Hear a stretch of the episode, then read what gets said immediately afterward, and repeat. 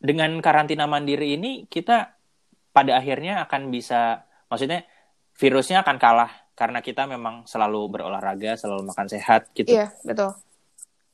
Dan kita Oke. memutus rantai penyebarannya karena kita di rumah terus.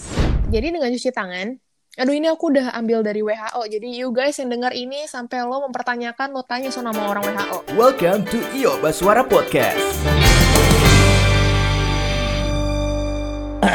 Halo, selamat malam, selamat pagi, selamat siang, selamat sore, selamat kapan pun.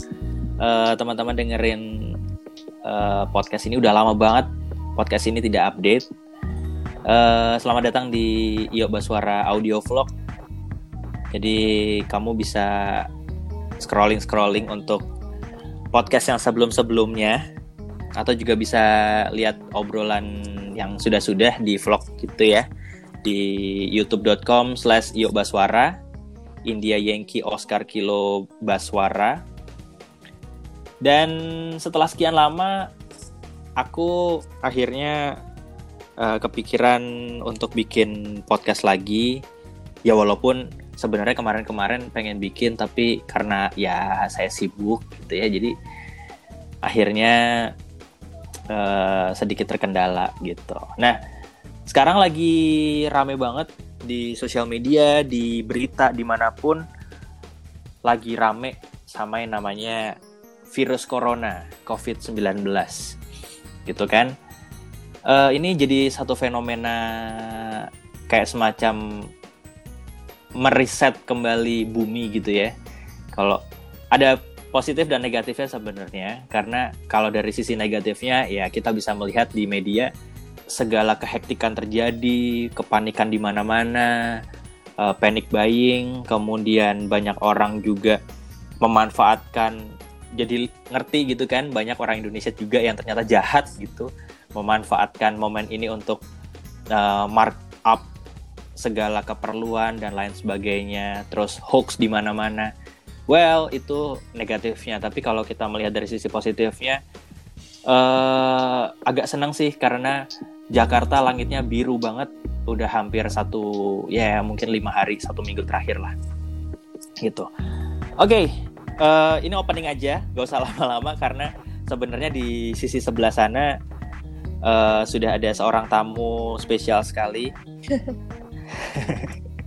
Jadi ini tanggal aku rekam ini tanggal 26 Maret 2020 Mhm. Eh, jadi kita di episode kali ini aku akan sedikit ngobrolin tentang coronavirus dan karena ini berbicara soal eh, medik atau dalam dunia kesehatan ini kayaknya kurang kalau misalnya aku nggak ngajak seorang yang memang berkecimpung di dunia kesehatan, oke?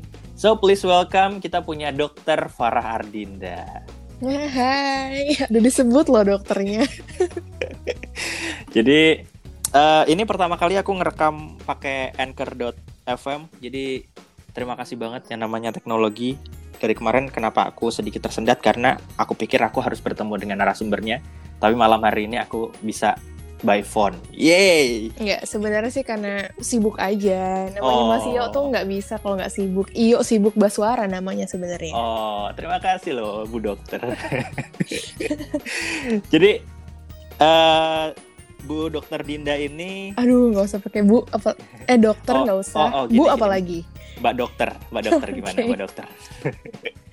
Eh, Dinda ini adalah seorang dokter yang eh, udah bergelar dokter ya, berarti kan? Udah, udah. Udah Alhamdulillah, bergel- udah. Sudah bergelar dokter eh, sejak eh, dua bulan lalu, right?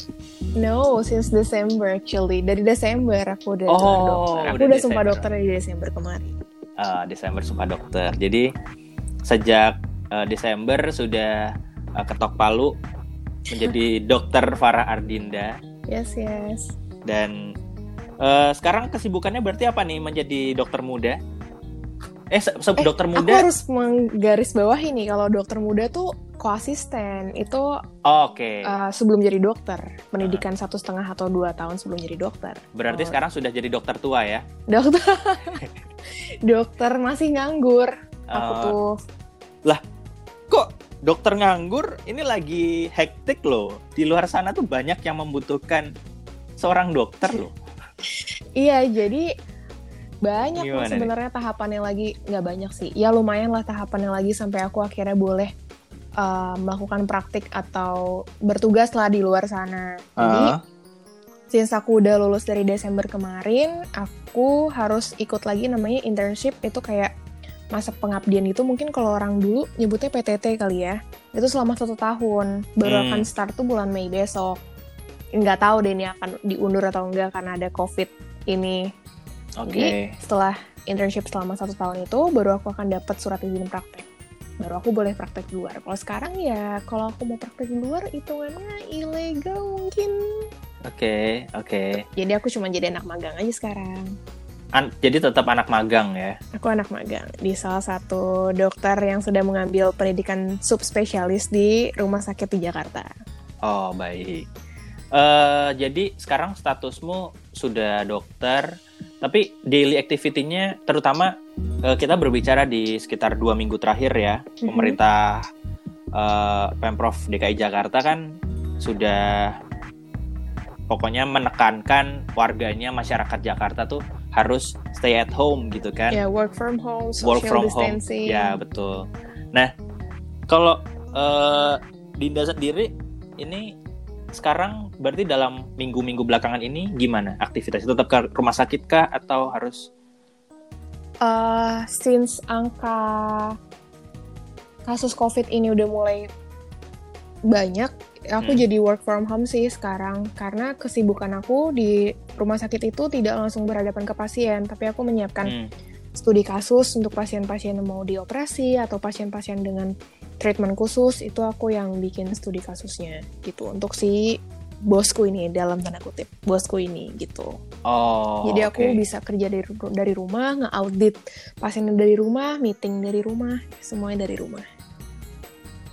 Oke, jadi memang ada eh, dirimu walaupun sudah dokter tapi eh, belum ada kayak semacam apa namanya eh, kewajiban gitu ya untuk Belum belum stay karena di rumah sakit untuk karena gitu. sebenarnya untuk kayak sekarang sih banyak kan info soal dibutuhkan relawan, dokter segala macam.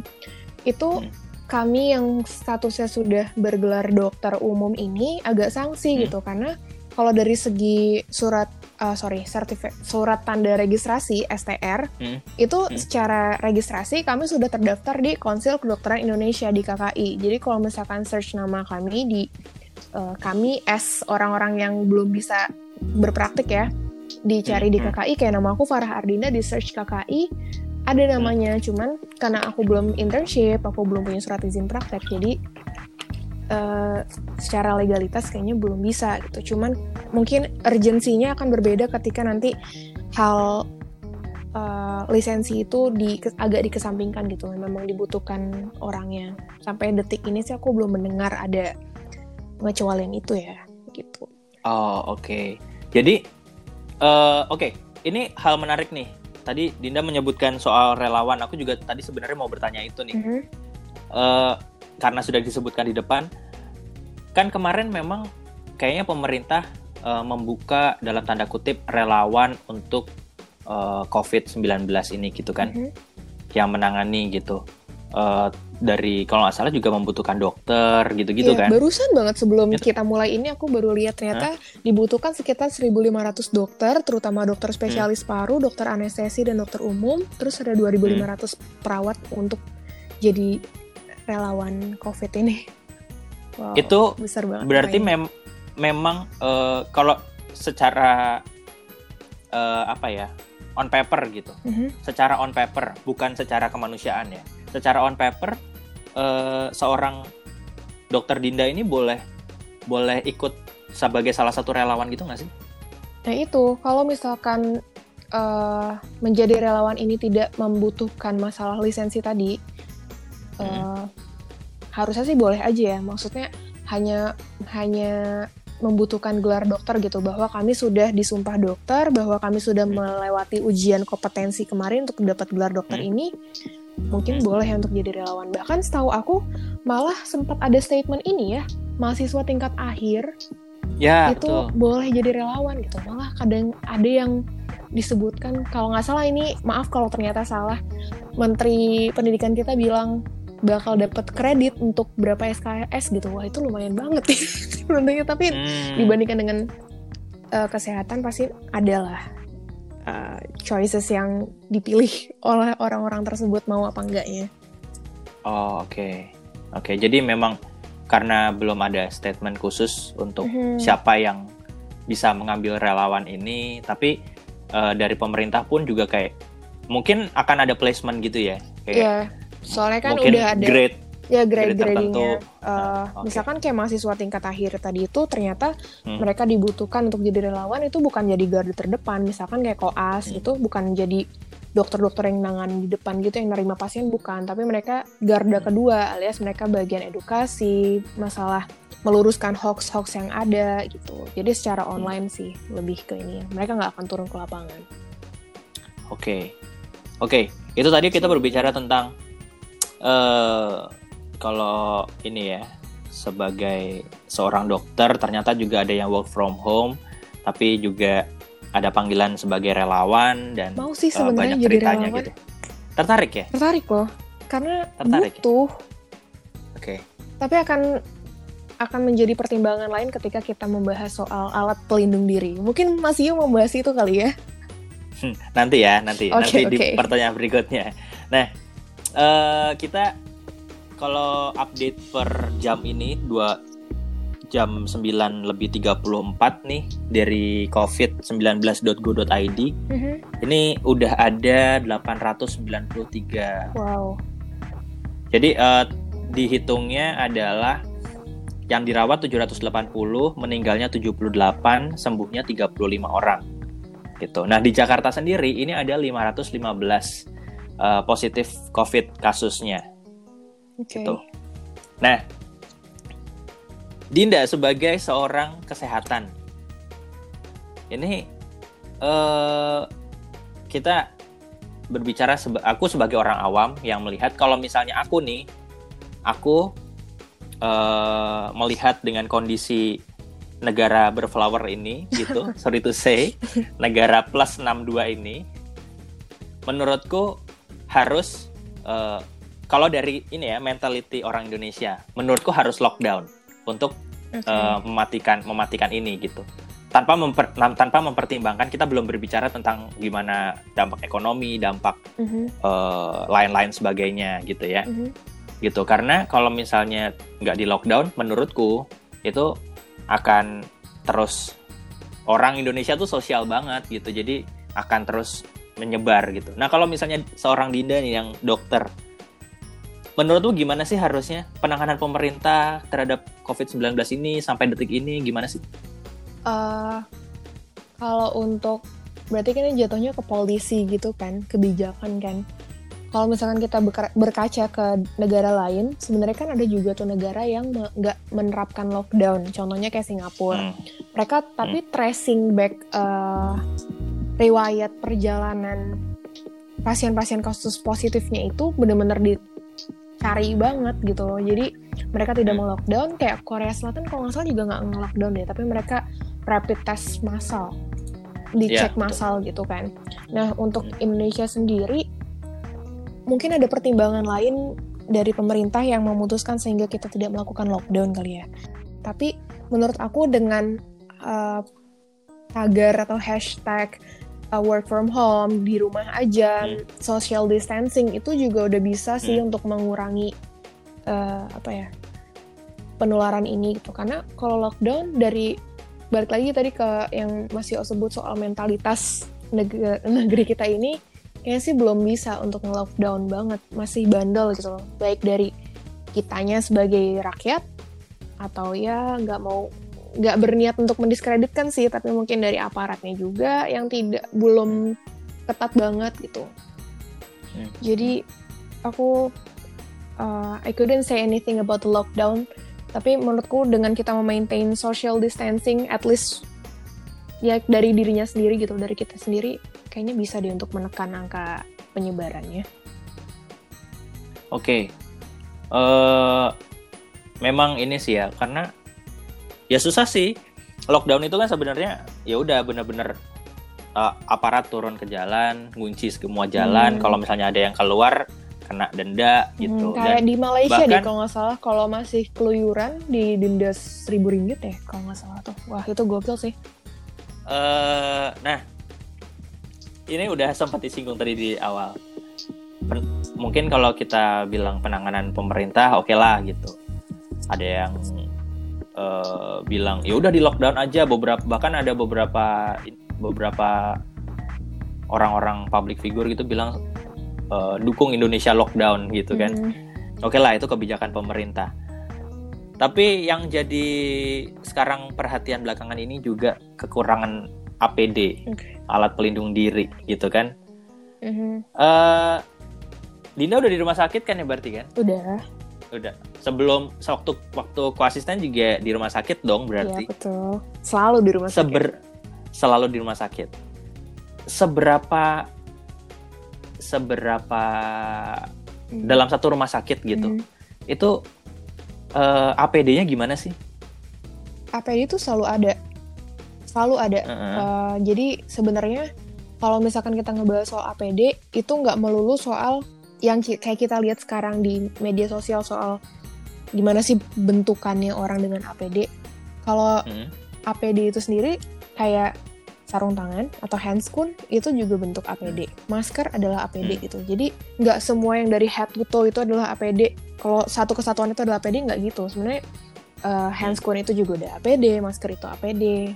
Boot kalau misalkan kita mau operasi itu juga APD itu. Cuman uh, ada ada APD khusus yang dibutuhkan uh, ada kasus khusus juga gitu. Misalkan kayak orang dengan uh, apa ya? Kalau aku sih sering lihatnya kalau misalkan pasien mau lahiran gitu.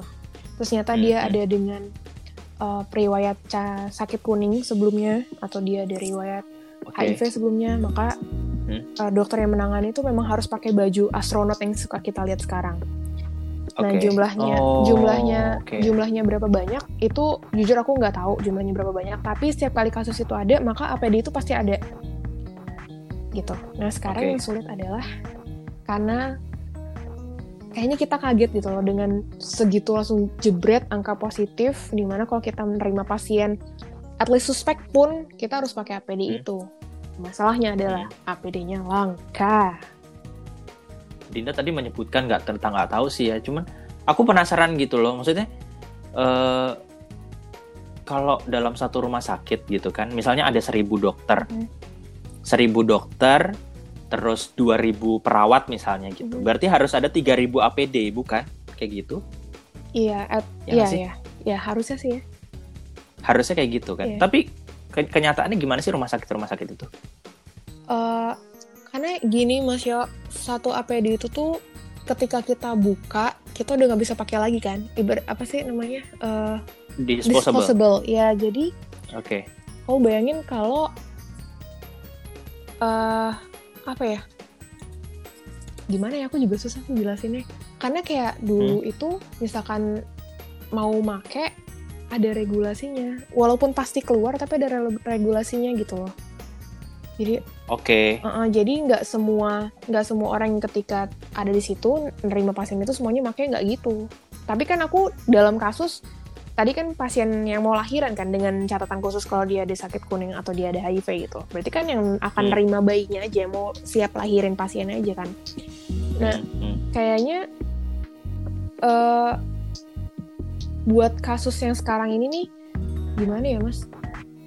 Kaget gitu, paham? Extraordinary. Heeh, extraordinary Iya, case iya. gitu loh. Jadi ini iya. belum belum sempat belum sempat eh, ter tertangani, belum sempat kita antisipasi, tapi udah keburu kayak gini gitu.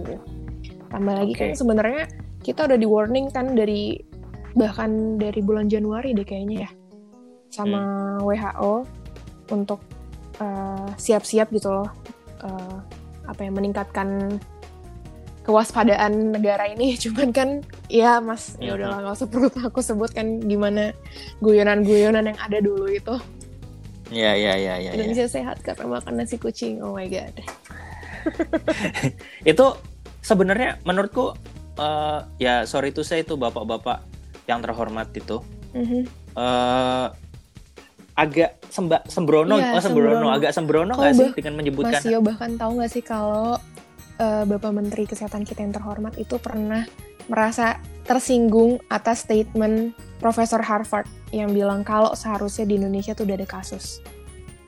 Tahu nggak soal itu? Oke, iya tahu tahu Iya, tahu. itu kayak wow, seorang profesor di Harusnya nggak gitu ya. harusnya nggak gitu sih maksudnya take it as a warning gitu loh dari orang yang memang sudah superior di, bida- di bidangnya dan dengan kita yang memang apa ya aku nggak mau bilang negara berflower deh apa ya developing country gitu. Negara yang masih berkembang kita masih merangkak banget nih di masalah eh, di sektor kesehatan ini. Dan kita disusulitkan dengan kondisi negara kita yang pulau-pulau eh, akses untuk menuju ke fasilitas kesehatan itu juga susah. Terus fasilitas kesehatan juga tidak merata. Dari ujung Sabang sampai ujung Merauke. Jadi harusnya ketika kita udah dikasih warning sih kita udah mengencangkan ikat pinggang ya. Tapi ya gimana lagi?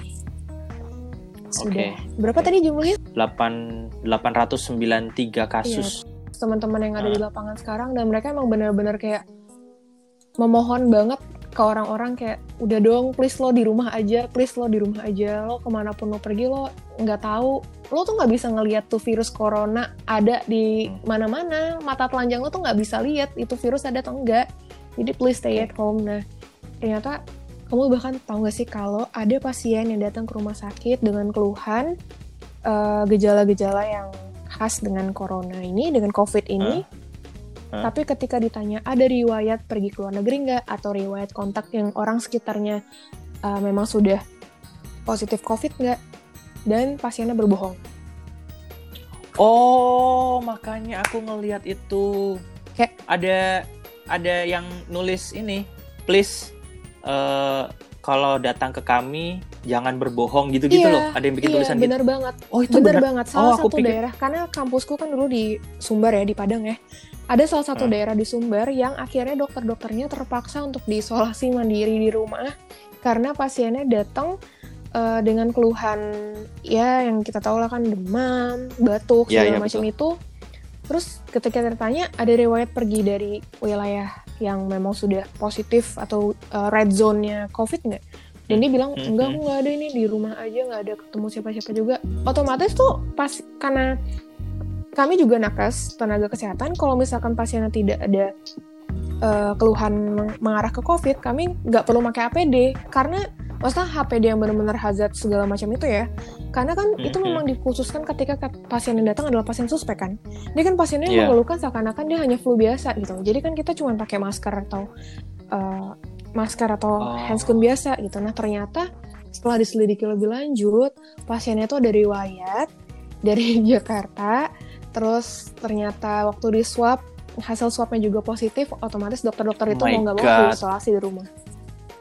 Bayangin, dokternya diisolasi di rumah. Anda datang ke rumah sakit yang mau Itu- ngebutin siapa? Lagian gue nggak habis pikir kenapa orang datang ke rumah sakit minta pertolongan dokter tapi lo nggak jujur gitu loh. Kenapa Itu- lo berobat? Itu freak loh. Maksud eh maksud- itu aneh loh maksudnya. Kalau misalnya dokternya semuanya digituin, ntar nggak ada yang ngobatin Nah dong. itu, Nggak ada yang ngejaga at least. itu makanya. Itu makanya. Oke.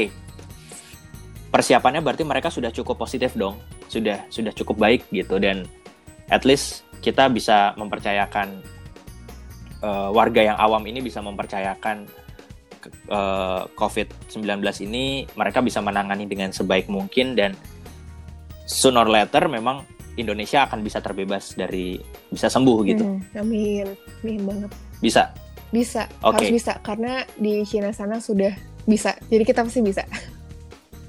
Oke. Eh karena tadi Dinda bilang soal eh, apa namanya? Ada ada orang yang datang ke rumah sakit dengan gejala yang seperti COVID itu, COVID-19 tapi dia ngakuin cuma flu biasa. Sebenarnya apa sih yang ngebedain eh, si COVID-19 dengan flu biasa? Karena kabar yang aku tahu corona ini kan keluarga besar ya gitu Iya, keluarga besar benar. dan salah satunya eh, flu itu juga disebabkan dari virus corona kan No, that's wrong. oh bukan Salah. jadi gimana Jadi kalau flu itu disebabkannya oleh virusnya influenza, influenza virus. Oke. Tapi kalau corona itu Mm-mm. eh, ya emang dari keluarga coronavirus. Jadi yang kembarannya sama corona ini nih itu ada MERS, Mm-mm. Middle East. Yang dulu tuh kayaknya tahun 2012-an deh yang Ya, di daerah-daerah Middle East Respirator, Respiratory Respiratory Syndrome. Syndrome. daerah-daerah Ya. Arabian sana, Timur Tengah. Hmm. Eh, terus dulunya SARS. SARS, eh, tahun 2002 atau 2003 kali ya. Nah, Mm. si COVID ini itu adalah SARS-CoV-2. Jadi dia miripin sama SARS ini. Oke. Tuh. Jadi bed- salah banget kalau misalkan dibilang flu itu juga dari corona. Enggak. Flu itu dari influenza. Corona itu punyanya si MERS dan SARS. Oh, baik. eh tapi gejalanya kan sama ya kayak demam, kemudian batuk, Gejalanya eh, bersin-bersin similar- gitu. similar- similarly gitu. Cuman kalau influenza Hah? itu kan lebih ke masalah upper respiratory tract ya, masalah lebih ke daerah-daerah yang atas memang dia uh, runny nose apa sih ingusan gitu, terus Iya. batuk, terus ada rasa lemas. Sebenarnya kalau dari Ah. COVID juga kayak gitu. Eh, Oke. apa namanya batuk, tapi batuknya khasnya tuh batuk kering. Batuk kering, ada demam, ada rasa lemas, terus kadang juga ada nyeri-nyeri badan, kadang ada juga yang bisa ngeluhin diare.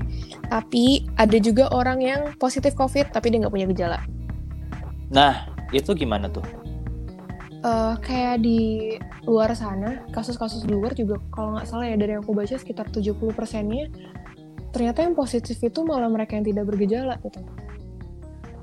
70%. Wow. Iya. Jadi sebenarnya yang mereka yang bergejala ini memang eh, udah ada perburukan, either dia secara imunitasnya memang lagi rendah, entah dia mungkin kecapean atau apa, eh, sehingga gejalanya di- jadi timbul, atau memang eh, tekanannya tuh pada orang-orang dengan penyakit yang sudah mendasari sebelumnya, misalkan eh, ada diabetes, sakit gula, ada sakit jantung, atau orang-orang kayak maaf dengan HIV kayak gitu-gitu imunisasinya kan Hmm. imunitasnya kan lebih rendah maka untuk Hmm.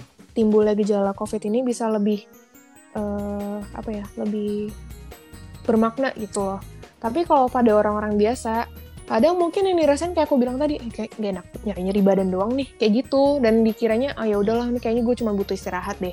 Atau mereka aduh nggak enak Hmm. badan nih gue minum vitamin C deh atau gue minum apa deh gitu. Yang memang tuh Hmm. memang jadi meningkatkan imunitas gitu kan. Jadinya abis itu nggak kel- nggak kelihatan apa apa lagi gitu. Jadi sebenarnya eh mana ya kalau misalkan mau dikatakan positif enggaknya memang harus dicek sih tapi kan dengan kondisi sekarang kayak gini nggak mungkin dong tiap orang mau dicek Tapi kan jadi parno gitu kan belakangan eh, kayak mungkin secara tidak langsung aku pun juga merasakan itu gitu kayak kadang tuh parno gitu ketika eh, bangun tidur terus kayak pening Hmm. terus kayak eh, apa namanya yang batuk-batuk Mhm. gitu tapi nggak tahu nih ini sebenarnya eh, apa? Kena covid atau enggak? Positif kena covid atau Oh. enggak gitu. Nah itu gimana tuh? Iya, eh, cara terbaik sebenarnya ketika kita ngerasain gejala-gejala yang masih ringan kayak gitu, itu adalah dengan isolasi mandiri sih. Dengan ya udah kita stay di rumah aja, Eh, oke. makan, makan yang bergizi, terus minum minum minum vitamin, istirahat, eh, Hmm. berjemur. Jadi vitamin D ya Nah, berjemur. Terus, eh bukan vitamin D-nya juga, tapi mungkin ini aku balik lagi nih ngebahas soal COVID dikit ya. Jadi COVID ini kan virus nih. Nah virus, jadi gimana ya? Corona ini dia punya subtipe tuh ada empat. Salah satunya nih si COVID ini, itu dia subtipe, Oke. subtipe yang sensitif terhadap sinar, sinar UV dan panas. Jadi dia bisa mati Oh, karena oke. sinar UV dan panas. Tapi kalau mau berjemur itu kalau nggak salah ya sekitar di jam 9 sampai jam 11 deh. Dengan waktu rentang sekitar 10 sampai 15 menit aja.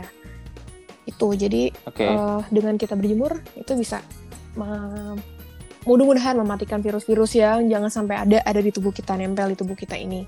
Gitu. Dan emang istirahat Mhm. karena harus jaga imun. Sebenarnya kayak penyakit virus itu obatnya Hmm. adalah bukan obatnya maksudnya itu adalah penyakit self limiting gitu yang nantinya akan sembuh sendiri dengan perlawanan imunitas dari kita dengan dari perlawanan antibodinya gitu. Jadi istirahat Oke. dan makan yang cukup vitamin.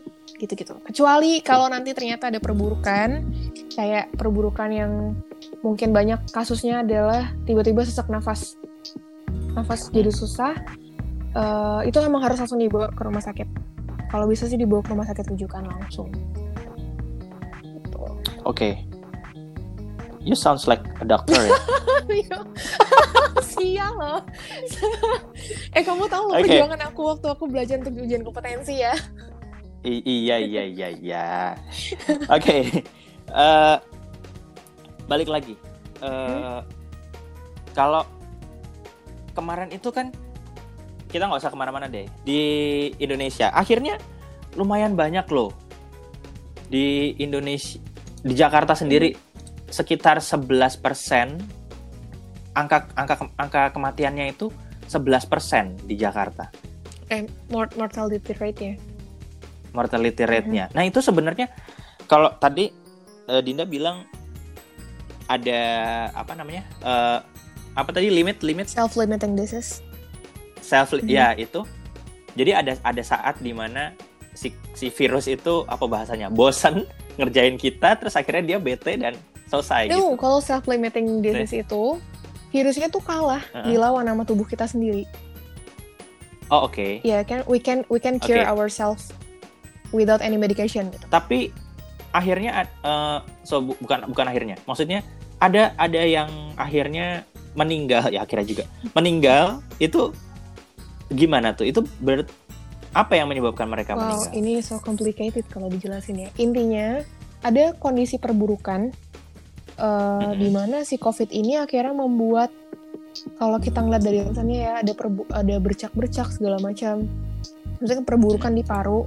Sebenarnya orang akan meninggal itu akibat dari eh, gagal nafasnya sih. Maksudnya eh, karena paru-parunya paru-parunya tidak bekerja dengan optimal lagi. gitu. Ditambah lagi Oh, sebagian oke. besar kasus yang meninggal itu biasanya di dibarengin dengan adanya penyakit komorbid itu yang tadi aku bilang ada penyakit lain yang membuat memang kondisi imunitas dia itu tuh tidak tidak sama seperti orang yang tanpa penyakit gitu loh sehingga penyakit bawaannya. Mm-mm, nggak bawaan sih kalau bawaan kan Hmm. jatuhnya kayak penyakit turunan kan kan kayak Oke. eh, apa ya tadi aku sebutin tadi sakit jantung tadi ya eh, sakit gula tadi ya memang apa ya ada imunodefisiensi contohnya pada pasien HIV gitu kan nah itu Hmm. memang dari tubuhnya udah kurang si imunnya ini nih pasukan imunnya jadinya kalah Hmm. gitu akhirnya ada perburukan-perburukan yang lain kondisinya makin turun makin turun sampai kalah ke meninggal gitu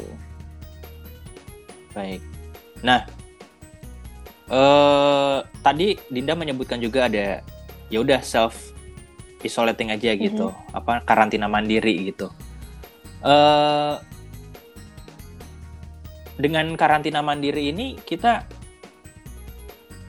pada akhirnya akan bisa maksudnya virusnya akan kalah karena kita memang selalu berolahraga, selalu makan sehat gitu. Iya, betul. Dan kita Oke. memutus rantai penyebarannya karena kita di rumah terus. Kita self isolating, jadi kita Baik. nggak kita nggak pergi ke mana-mana.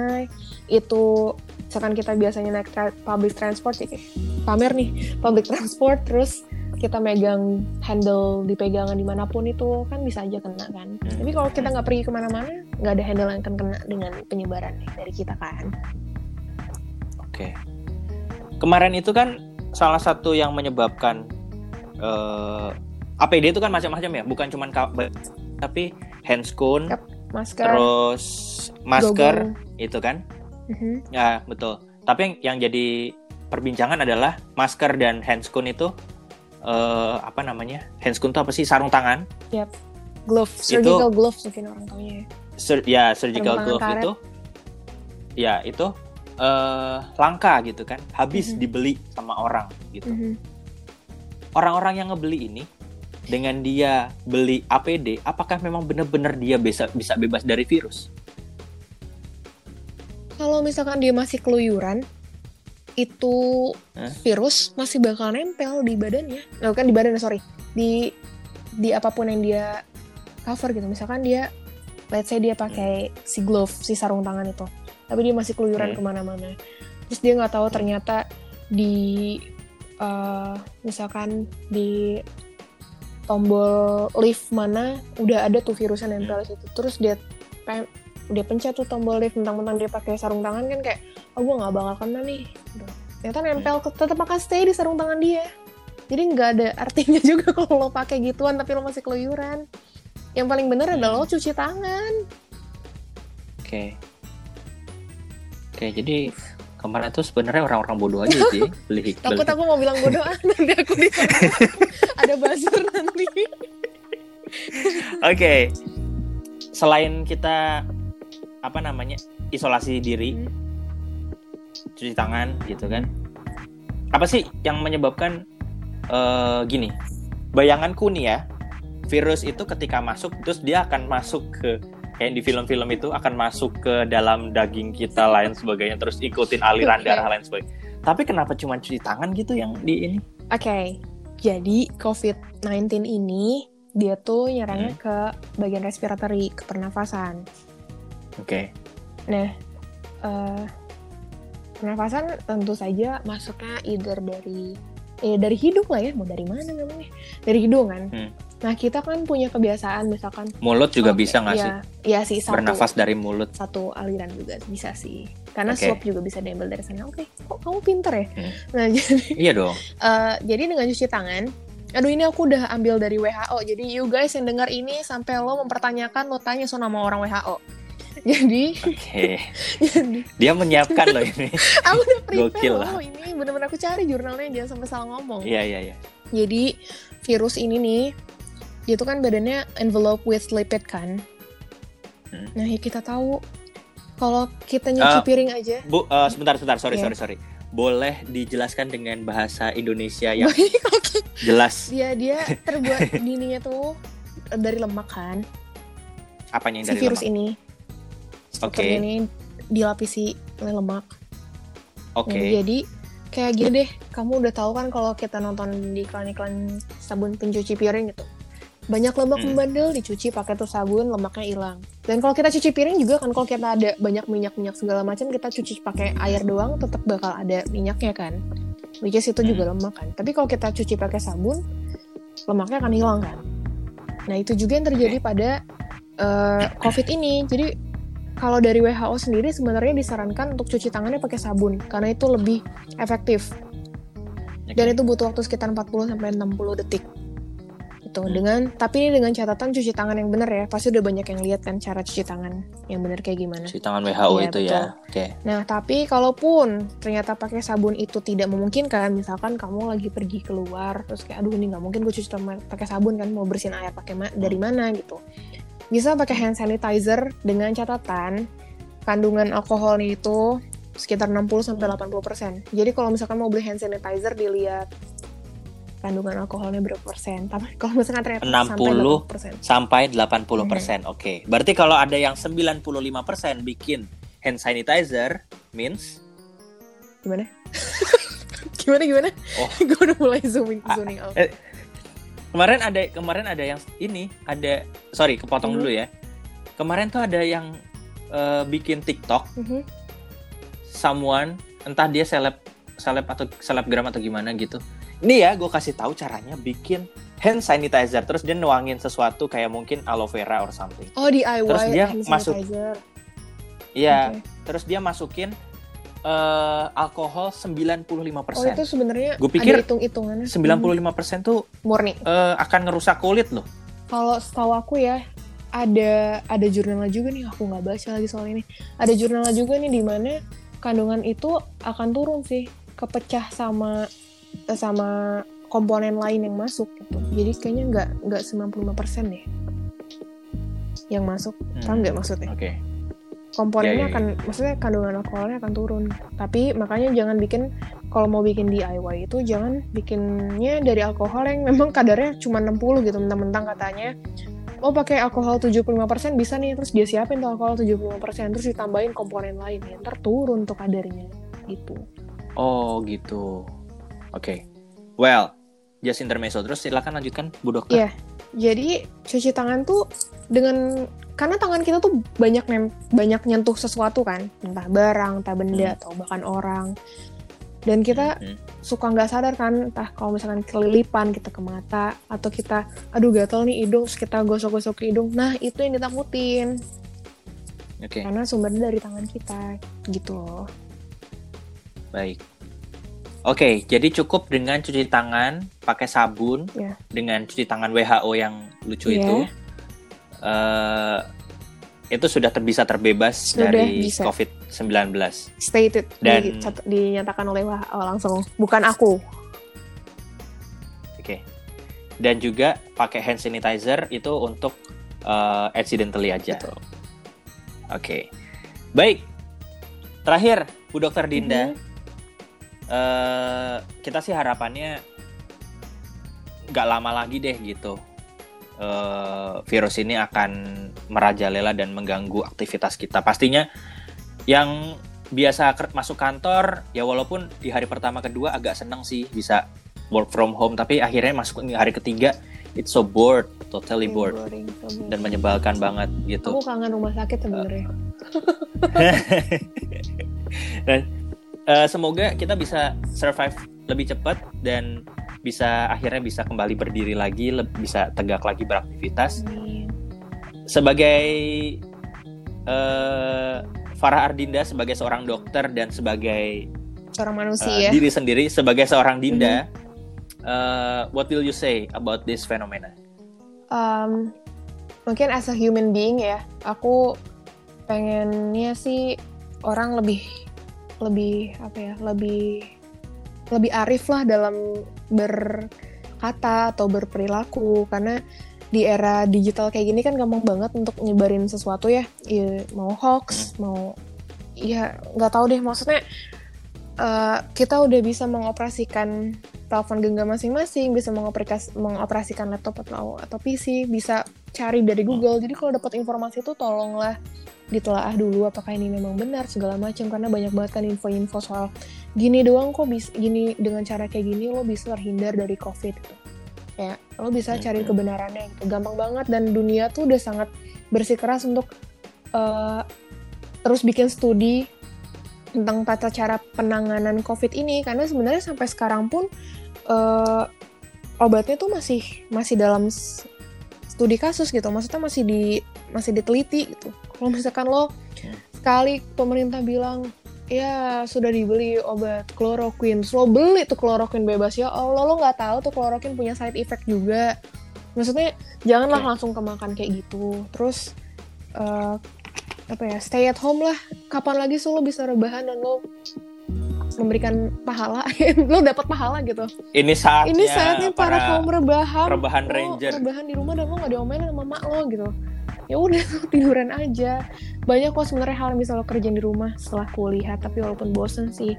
Cuma kalau bosen dan lo butuh ketemu orang kan lo bisa video call lo bisa video conference segala macem. Jadi kayak ya ya. tapi kalau dari sisi sebagai orang kesehatan eh yang tadi mungkin terkait dengan pembelian obat secara bebas gitu kepada para pedagang di luar sana tolonglah Hmm. tolong banget jangan asal jual obat ini klorokin di papi favipiravir juga dijual bebas kayak aduh dan jangan juga masyarakat kita mentang-mentang disebut su- suatu obat itu jadi obatnya covid eh, Hmm. terus langsung beli itu jangan lah terus sudah dikasih tahu sama WHO eh, untuk selalu cuci tangan lu mau mau mau keluar rumah secara terpaksa banget ya keluar rumah ya udah bawa aja tuh hand sanitizer kayak tadi udah kita jelasin gitu nggak tapi sebisa mungkin lo pulang. Nah kalau pulang pun ada tata caranya juga gimana cara lo harus membuka baju dan segala macamnya. Itu informasi itu bisa banyak banyak banget didapat di media sosial atau di uh, website man website kesehatan itu. Terus kalau misalkan uh, punya gejala-gejala uh, infeksi saluran pernafasan atas yang kayak flu-like Hmm. syndrome gitu-gitu ya bisa lah pasti di rumahnya punya kan obat demam obat flu minum aja Hmm. itu dulu minum vitamin Oke. makan makanan bergizi dan istirahat itu banget yang dibutuhin kalau misalkan memang ada perburukan atau memang ada riwayat berpergian ke negara atau kota yang memang sudah red zone atau di sekitarnya Hmm. memang sudah ada kasus positif dan kita pernah berkontak, nah itu nggak apa-apa jadi alasan kita untuk memeriksakan diri gitu. Cuman selagi kita bisa ngelawan tuh virus sendiri, ngelawan tuh sakitnya sendiri, isolasi sendiri sendiri dulu deh. Kalau menurut aku gitu. Kalau memang udah terpaksa banget, bukan terpaksa banget ya. Baru. Kalau misalkan memang sudah ada perburukan, baru ke rumah sakit Hmm. gitu. Oke. Dan satu lagi, Baik. satu lagi nih, Ah, dadakan pemerintah menyediakan rapid test. Jangan lo beli tuh rapid test sembarangan karena lo nggak tahu itu hasilnya benar-benar positif atau negatifnya. Jadi, aduh nggak usah deh apa-apa sok-sok mau mandiri. Udah paling bener tuh isolasi mandiri. Nggak usah ngobatin mandiri, nggak usah rapid test mandiri, nggak usah. Yang penting isolasi mandiri aja. Oke. Oke, Gitu. baiklah. Penuh emosi terima ya ini kasih. ngomongnya. Oke, terima kasih eh, Dokter Farah Ardinda juga, sudah Iyo. ngobrol. Eh, semoga kita bisa segera terbebas dari Ya, COVID-19 amin ini dan sih, bisa kembali pasti beraktivitas. pada kangen juga kan untuk bisa ke rumah ibadah masing-masing. Ini baru permulaan tahun, please. Please, please banget. Ya. Oke, baiklah. Terima kasih, Terima kasih juga Mas eh, Bu Dokter. Semoga sukses dan Amin. Eh, segera bisa praktek. Amin. Jadi aku nanti bisa punya dokter pribadi ya akhirnya. Sehat selalu ya Mas Iyo. Terima kasih, sehat selalu. Sehat selalu semuanya yang mendengarkan Eh, di sana. jaga kesehatan. Oke, terima kasih. Ya. Itu tadi teman-teman sudah mendengarkan untuk edisi kali ini ngobrol bareng sama Dokter Dinda. Eh, karena Dokter Dinda belum punya praktek, jadi belum bisa disebutin di mana prakteknya. Eh, tapi yang pasti ditungguin aja nanti kalau akhirnya Dokter Dinda sudah praktek harus ke Dokter Dinda. Cantik bu. Gak usah senyum-senyum kamu di sana. Iya loh. Oke ya, terima kasih teman-teman. Eh, sampai jumpa di episode berikutnya. Episode ini bisa didengarkan di Spotify, Google Podcast, Apple Podcast, dan kalau mungkin nanti akan ada juga di YouTube. Oke, sampai jumpa di episode berikutnya. Yo Baswara signing off. Bye bye.